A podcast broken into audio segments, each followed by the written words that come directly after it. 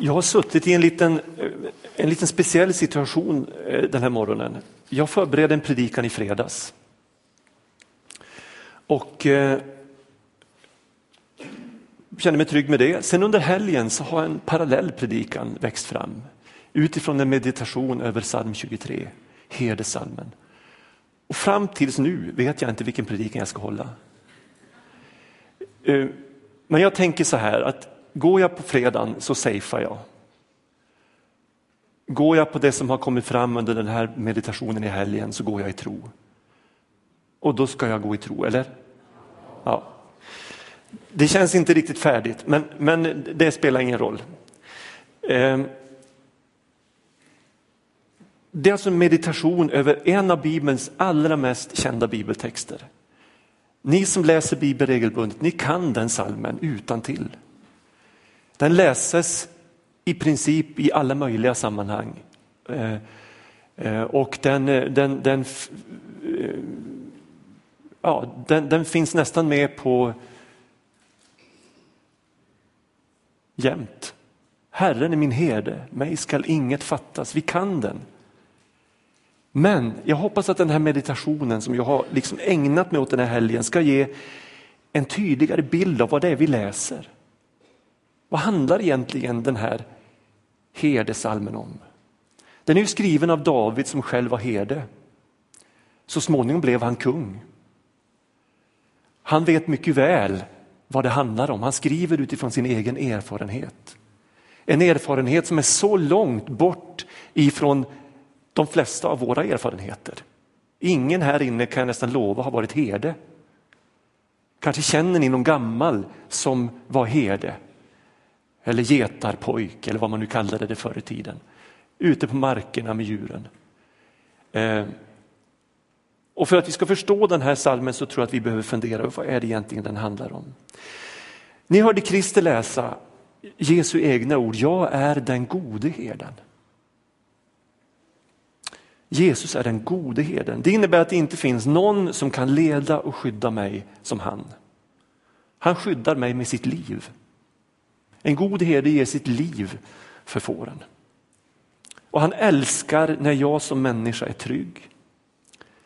När jag är tillfreds, när jag är mätt. När jag har tillgång till friskt vatten, både bokstavligt och bildligt. Och när jag vilar i nuet. Han älskar det. Han är en god herde. Och han vill mig väl. Fåren och herden är en av de absolut vanligaste metaforerna i Bibeln för människans objektiva hjälplöshet och fullständiga beroende av guidning, tillsyn och omvårdnad. Och med objektiv hjälplöshet menar jag att vi subjektivt kan tänka helt annorlunda. Vi kan tycka att vi inte behöver någon hjälp alls. Vi kan tänka att vi klarar oss helt och hållet själva, hur bra som helst. Men verkligheten är en annan. Och jag tror att vem du än skulle sätta på att, att, att undersöka människans förmåga att klara sig på egen hand skulle komma fram till precis samma slutsats. Människan är objektivt sett fullständigt hjälplös. I det stora hela. Psalm 100 säger så här, hylla Herren hela världen, tjäna Herren med glädje, träd fram inför honom med jubelrop, besinna att Herren är Gud. Han har gjort oss och vi är hans, hans folk, fåren i hans jord. Gå in genom hans portar med tacksägelse, kom till hans förgårdar med lovsång, tacka honom, prisa honom, ty Herren är god. Evigt varar hans nåd från släkte till släkte, hans trofasthet. Får har fyra grundläggande behov som behöver fyllas för att de ska kunna lägga sig ner och vila. Får är av naturen, ja, får jag säga det innan jag nu går in och beskriver fåren och herden, jag kommer inte att göra en massa paralleller och liksom förklara motsvarigheten i ditt och mitt liv, utan jag tror att det kommer att ge sig självt.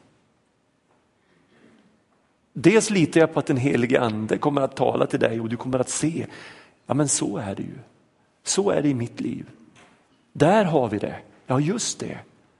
Ehm, och skulle jag dra parallellen så är risken att jag förstör detta goda verk av den helige ande. Så jag kommer liksom bara att beskriva i stora drag bilden och så får ni och Gud sköta resten. För det första, får är av naturen lättskrämda. De råkar väldigt lätt i panik. Det kan räcka med en, en, en, kanin som lite överraskande hoppar fram för att en hel jord ska komma på flykt. De är oerhört lättskrämda. När ett enda skrämt får börja springa så följer andra blint efter. Ingen lugnar dem som närvaron av deras ägare och beskyddare. När han kommer in på arenan, liksom, då blir det lugnt. För det andra, får ha en flockkänsla. De kan inte koppla av om det finns spänningar i, i förhållande till de andra i jorden.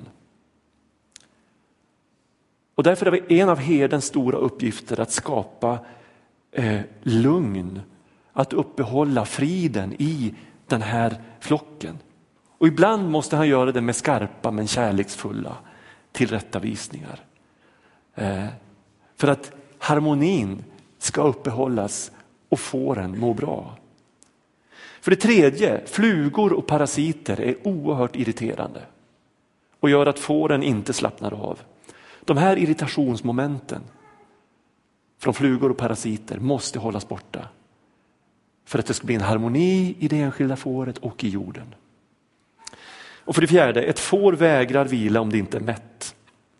Hungern måste mättas, törsten måste släckas. Eh, och det är herdens uppgift och det är att, att se till att detta sker. Och det är bara han som kan förse jorden med det jorden behöver. Det är alltså bara en känsla av total frihet från rädsla, spänningar, irritationer och hunger som gör att fåren kan lägga sig ner på den gröna äggen, ängen, idissla sin mat och må gott. En jord som är rastlös, en jord som är orolig, en jord som är missnöjd kommer aldrig att må bra. Och därför är fåren beroende av en omsorgsfull, erfaren god herde för att allt ska fungera. Och det är i den bemärkelsen Jesus säger, jag är den gode herden. Jag är den gode herden. Våra behov,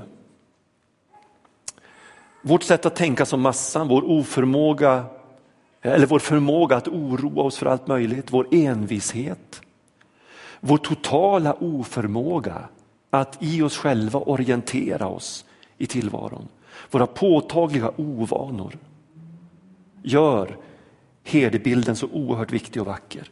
Vi behöver Gud. Det är Bibelns starka budskap. Vi behöver Gud. Och egentligen skulle jag, är frestad att göra någon form av undersökning i den här samlingen. Hur många som en eller många gånger, kanske otaliga gånger i livet har kommit till en punkt där man inser, jag har ställt till det för mig. Jag fixar inte detta. Hur många av er som har vänt till Gud i någon desperat bön och sagt Gud nu är det komplicerat. Jag reder inte ut det här. Jag vet varken ut eller in. Jag vet inte vad som är fram eller bak. Så är det att vara människa. Eh, Jesus säger i Matteus 9, vers 36, när Jesus såg människorna så fylldes han av medlidande med dem. För de var illa medfarna och hjälplösa som får utan herde. Så för Jesus var det här en mycket, mycket verklig bild. Illa medfarna, hjälplösa som får utan herde. Och när Bibeln talar sitt omvändelsebudskap så handlar det egentligen om att omvända sig från tron att vi inte behöver Gud, att vi klarar oss själva, att det här fixar vi, till att inse Gud. Jag behöver ju dig hela tiden. Och så vänder vi om till Gud och ger honom chansen att bli vår gode herde. Och öppnar oss för att bli en del av hans jord. Skulle du fråga en god och ansvarsfull herde hur han känner igen sina får så skulle han kanske säga saker som förvånar dig. Han skulle nämna ärren. Han skulle eh, eh, eh, nämna skavankerna. Egenheterna hos, hos varje får, handikappen. Och hans röst skulle fyllas av värme och stolthet när han säger, jo men jag känner igen det fåret. Därför att ena örat är lite borta. Därför att det fåret haltar lite på ena benet. Det där fåret är, är lite eh, eh, mer vilset än de andra. Och så vidare. Han skulle beskriva svagheterna och bristerna som kännetecken för hur han skiljer det ena fåret från det andra. Och han skulle göra det med stolthet och kärlek. Vad är det som gör oss till personligheter inför Gud? Allt det som vi försöker dölja, allt det som vi försöker gömma, allt det som vi försöker sminka över och förneka. Att vi är de vi är, med ärr och skavanker och egenheter och handikapp, att vi är märkta av livet självt. Det är det som gör oss till personligheter. Och herden har inga problem med detta. Han tar oss som vi är, han älskar oss som vi är. Psalm 23 i den här herdesalmen så lyfter heden David med så mycket erfarenhet av får fram de viktigaste händelserna under ett helt år av fårens liv. Ni som tycker om att läsa Bibeln har läst Bibeln, ni vet att när David ska smörjas till kung så är han inte med sina bröder. Var är han? Han är ute på markerna med fåren. Och det troliga är att han är på sommarbete med sina får. Han är uppe bland bergen. Där tillbringar han hela sommaren med fåren. Så han är inte på gården hemma, han har vandrat iväg med sina får. Och han är uppe på betesmarkerna, på bergsplatåerna. Och man måste skicka bud efter David för att hämta hem honom.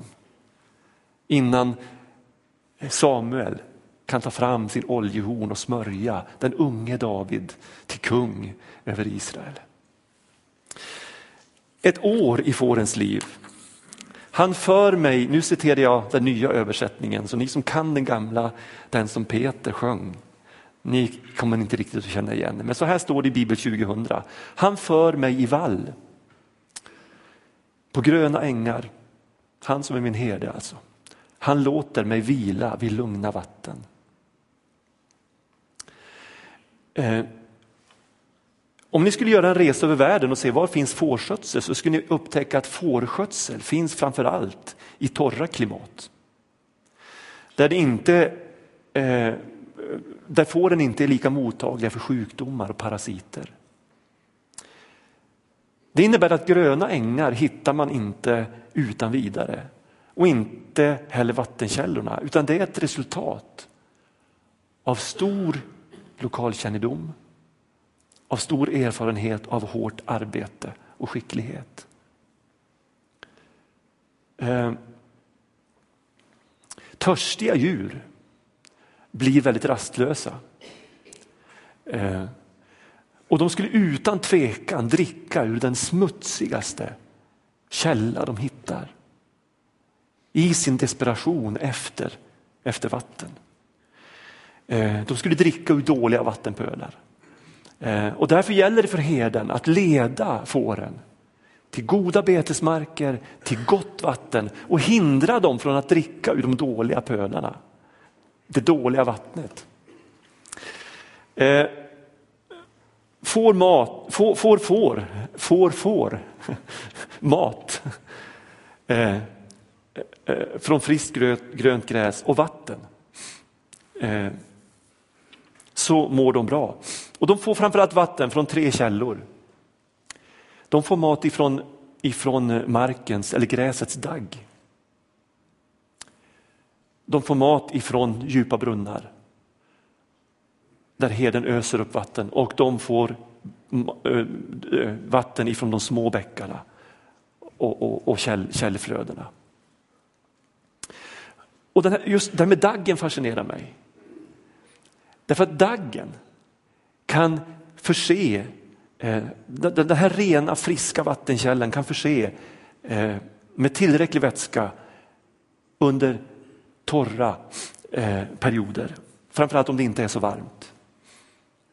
De här tidiga morgontimmarna precis innan soluppgången så vaknar fåren och så ger de sig ut med herdens hjälp och så betar de i sig detta eh, daggfyllda gräs.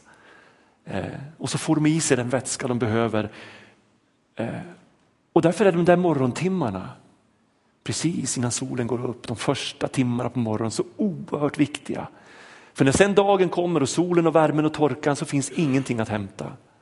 Och har du missat morgonens dagg så, så, så, så är det inte bra. Um.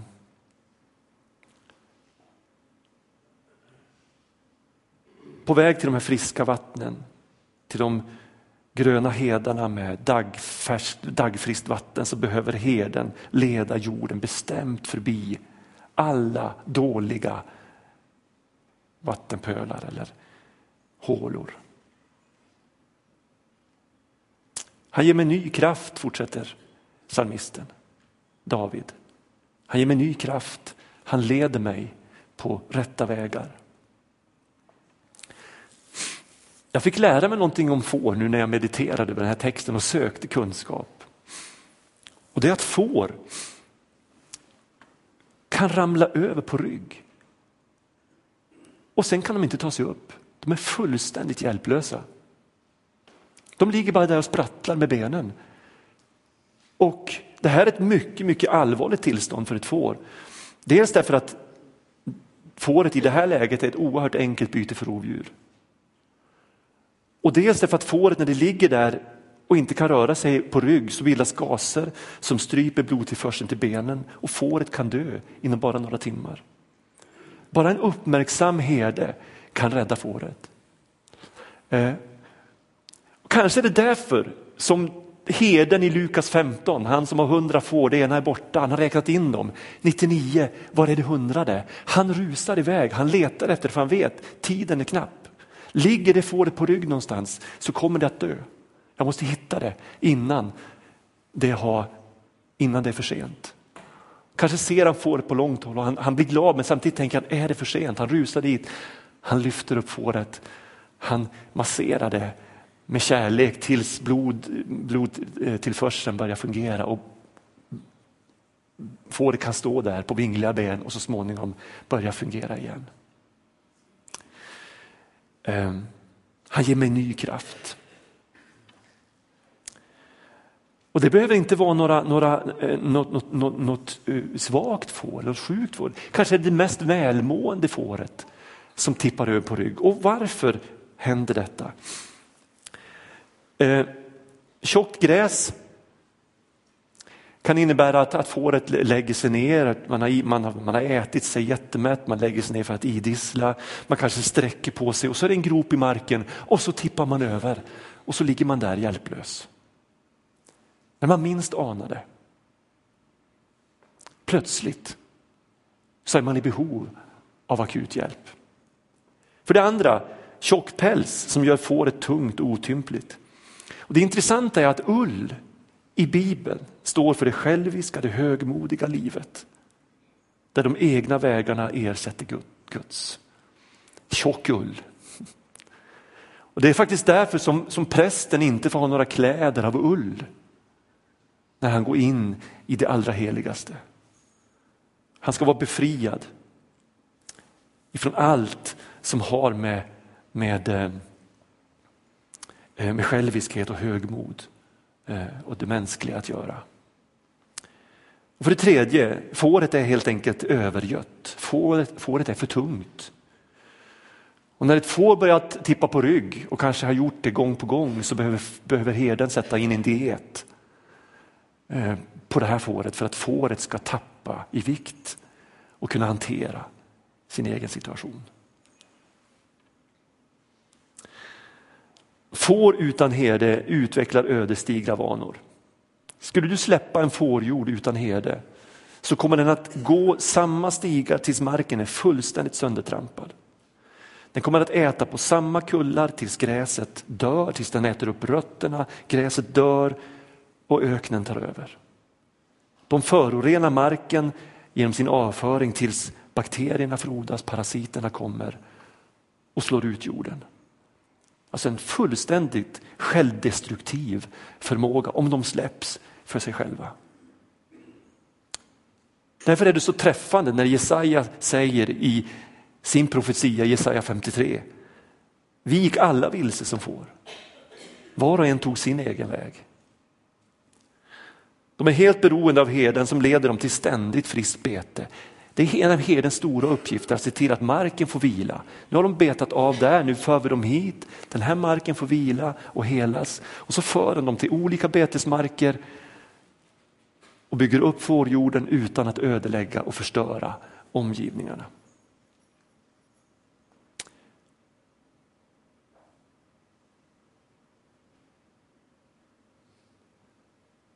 Inte ens i den mörkaste dal, fortsätter psalmisten, fruktar jag något ont.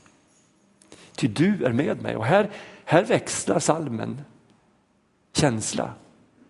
Tidigare har David, psalmisten, pratat om han leder mig, han för mig. Nu är det du. Inte ens i den mörkaste dal fruktar jag något ont, ty du är med mig. Det finns en ny intimitet mellan herden och fåren. Och varför, varför finns den intimiteten? Jo, för nu är fåraherden på vandring med sin jord. Nu är det vår. Han är på väg till betesmarkerna eh, uppe på, på, på bergshedarna. Eh, där ska han tillbringa hela sommaren med sin jord. Han ensam med jorden och nu går han i dalgångarna för att hitta de bästa vägarna upp på de här eh, bergshyllorna. Eh, dalgången erbjuder den bästa vägen upp. Där finns gott om bete, grönt gräs, friska bäckar som man kan äta och dricka under vandringen. Men dalvandringen är också riskabel. Dalen kan vara trång, det kan vara branta väggar, det är risk för ras. Risk för översvämningar om det skulle komma ett kraftigt regn. Herden måste vara uppmärksam, stor risk för rovdjur som rör sig här i, i bergsluttningarna, som också rör sig vid vattendragen. Även om jag vandrar i den trånga, mörka, i dödsskuggans dal fruktar jag inget ont. För du är med mig. Här finns branta klippstup, här finns begränsat med sol. Men det leder till de högre höjderna. Kanske till och med ovanför trädgränsen med gott sommarbete. Och väl där uppe så lyfts man verkligen över det vardagliga med vidunderlig utsikt. Fråga mig, jag älskar detta. Älskar att vandra i bergen, jag älskar att komma upp på höjderna. Det finns en dragningskraft att få komma upp, att få överblick, att få se. Men där finns också stormarna. Även en, en, en, en, en, under sommaren så kan hagelstormarna överraska. Och det kan bli riktigt, riktigt tufft uppe på de här bergsplatåerna. Inte ens i den mörkaste dag fruktar jag något ont, du är med mig. Din käpp och din stav gör mig trygg. Käppen eh, eh, eh, är, är en påk kan man säga, en påk med en klubba i ena ändan. Ofta så gör man de här, man gräver upp en rot som har en, en rotklump i ena änden. Man, man letar tills man hittar den som passar. Den egna kroppsstorleken och, och, den egna känslan. Och sen tar man den här och gör i ordning den så att den, den passar. Och den är en herdes älskade redskap. Den här påken tränar herdepojkarna från det att de är små att, att få precision i. Man kastar den här påken med klubban längst fram. Eh, och det blir ett vapen. Och David säger till och med att han har jagat bort varg och lejon och björn med den här klubban för att skydda sin fårjord. Din käpp och din stav gör mig trygg. Han använder käppen för att slå i buskar, för att jaga undan ormar. Han använder den också för att milt kasta på får som är på väg in på farliga områden. När han inte hinner springa dit så använder han sin, sin käpp för att få in fåren och, och, så att de inte ska skada sig. Eller kanske på väg över farliga stup eller fram till giftiga växter så skyddar han jorden med sin påk. Käppen står för Guds ord i Bibeln, för Guds auktoritet. Finns det motsvarighet i det här uttrycket så säger Herren? Det är Guds käpp. Så säger Herren. Och Det finns en oerhörd kärlek, en oerhörd omsorg när Herren använder sin käpp. För antingen skyddar han oss från yttre hot eller också vill han vägleda oss bort ifrån de farliga stupen, de giftiga växterna, de, de, de farliga vattenpölarna. Käppen är Guds auktoritet. Det är också med käppen som herden räknar in fåren. De går in i follan, han tar dem en och en, han särar på ullen och ser, är huden frisk? Så använder han käppen. Din käpp och din stav gör mig trygg. Staven saknar motsvarighet i något annat sammanhang än fårskötsel. Det är herdens stav eh, som han leder fåren med. Han kan varsamt styra fåren med den här, käpp, med, med, med den här staven. Eh, han använder den för att resa upp lammen. Eh, för skulle han ta i lammen så är det inte säkert att, att tackan vill ha sina får, så han använder staven som har en klyka i ena änden. Så lyfter han varsamt upp fåren för att föra lammen till sin mamma eh, så att hon ska bekänna sig till dem. Eh, ja, han kan använda den här staven med klykan för att dra ur får som har trasslat in sig i djupa snår eller ramlat ner eh, för stup och så vidare. Din käpp och din stav, det tröstar mig. Du dukar ett bord för mig i mina fienders åsyn. Bordet är belöningen för den här långa vårvandringen upp till högre höjder. I många delar av världen så kallas de här högplatåerna på, på bergen för, för Mesa, spanskans bord. Mesa. Eh. Och en god herde, han, han har gjort den här långa vandringen en gång tidigare på våren. Kanske när, när snön fortfarande ligger kvar. Då har han gått utan får, han har gått själv. Han har besiktigat vägen, han har kollat var finns vattendragen? Var finns skydden om, om, om stormarna skulle komma? Han har, han har tittat ut en lägerplats, han har besiktigat betena. Han har lokaliserat och efter bästa förmåga rensat bort giftiga växter. Kanske tittat efter rovdjursspår. Lagt ut salt, mineraler på lämpliga ställen, kanske rensat vattenhål, förberett innan han tar med sig jorden upp till det dukade, det färdigställda bordet.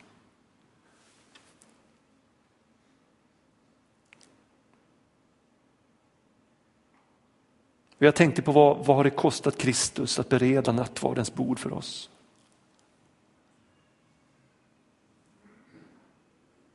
Han var där själv.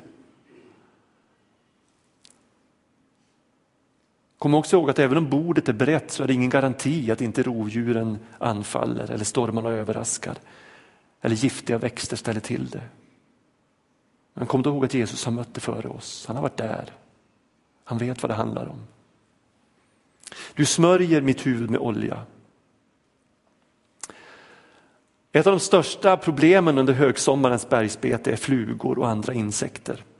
Och särskilt näsflugorna som lägger ägg i den fuktiga slemhinnan på mulen är en fruktansvärd plåga för fåren. Lyckas de ta sig dit och så kläcks de här äggen efter bara några dagar. Larverna kryper upp i näsan på fåret, orsakar inflammationer, orsakar en, en, en, en, en oerhört irriterande klåda som kan driva ett får till vansinne. Fåret skrubbar huvudet mot träd, mot stenar, eh, mot buskar, gnider huvudet mot marken, slänger med huvudet fram och tillbaks för att bli kvitt den här irritationen. De stampar, de rusar i panik eh, för att desperat undfly de här, de här eh, eh, eh flugorna. Den här paniken över flugorna är ödesdiger för jorden.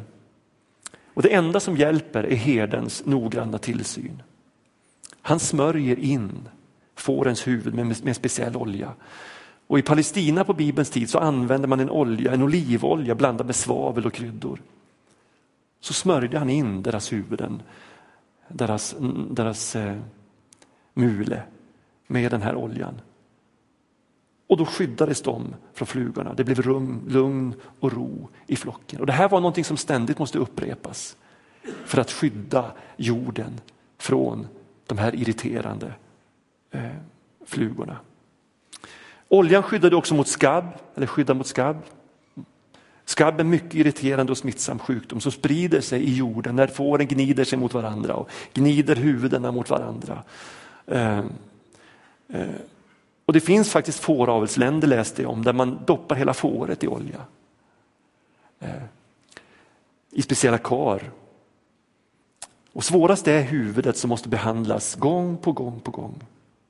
Och det troliga är när det står i Bibeln att, att, att, att ett offerlamm skulle vara felfritt så var det viktigt att det var fritt från skabb som är en symbol för synd och orenhet. Jag läste faktiskt också att, att, att man försöker skona eh, baggarna i parningslekarna för de kan bli väldigt, väldigt, väldigt våldsamma och ställa till stor skada. Man smörjer in baggens huvud med tjocka lager fett.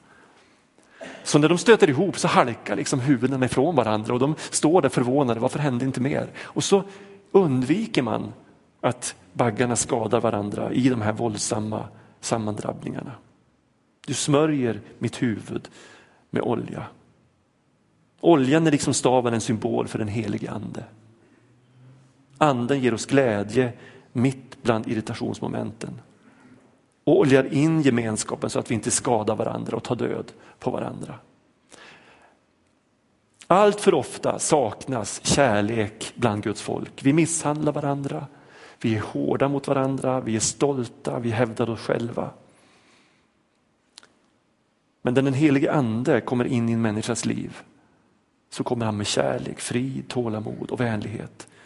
Vi blir generösa, vi blir överseende och tacksamhetens bägare över att vi får vara med flödar över.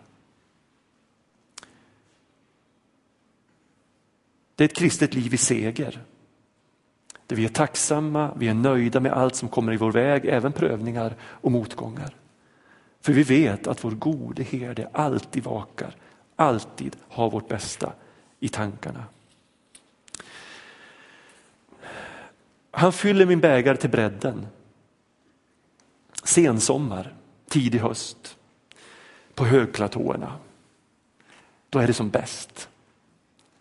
Då överflödar berget. Få insekter, jorden är stark, som friskast efter sommarens överflöd och frihet. Bägaren flödar verkligen över. Din godhet ska följa mig varje dag i mitt liv. Den skötsel som en god herde ger sina får går bara ut på två saker, godhet och nåd. Och Det psalmisten här säger är ett uttryck för en total och trygg överlåtelse till den ende som har fullständig makt över hans liv och hans bestämmelse. Egentligen ett uttryck för andlig mognad och andlig insikt. Din godhet och din nåd ska följa mig alla mina dagar. Hur många kristna är det som verkligen känner så när det gäller Kristus? Hur många litar helt på att godhet och nåd kommer att följa mig vad som än händer? Naturligtvis är det lätt att säga så när jag är fullt frisk, jag har bra ekonomi, min familj mår bra, mina vänner tycker om mig. Men hur går det om min kropp bryts ner? Hur går det om jag tvingas sitta hjälplös vid min livskamrats sida när hon bara tynar bort? Hur reagerar jag när jag förlorar jobbet? När jag inte har pengar till räkningarna? Vad händer om mina barn inte klarar skolan, blir tagna av polisen därför att de har hamnat i kriminella gäng? Hur reagerar jag om vännerna vänder mig ryggen? Det är sådana händelser som avslöjar hur mycket jag verkligen litar på Kristus. Får kan vara de mest förödande djur som finns. På kort tid kan de ödelägga och förstöra stora områden. Men en välskött fårjord kan på bara några år rensa upp och återställa förstörd mark.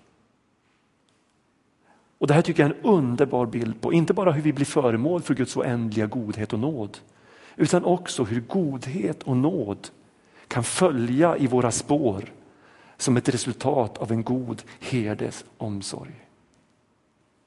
En frisk församling kan på bara några år städa upp och återställa förstörd mark. Godhet och nåd ska följa mig varje dag i mitt liv. Och Herrens hus ska vara mitt hem så länge jag lever. Här möter vi ett få som är totalt tillfreds med sin lott i livet. Så nöjt med den vård det får, så trygg med sin herde att den inte längtar efter någonting annat. Inget kan få mig härifrån.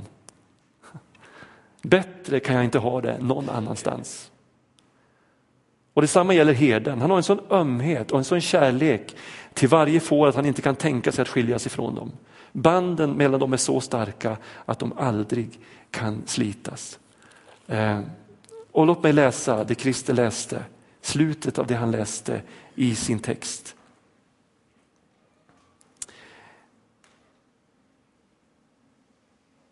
Mina får lyssnar till min röst och jag känner dem och de följer mig. Jag ger dem evigt liv och de ska aldrig någonsin gå under och ingen ska rycka dem ur min hand.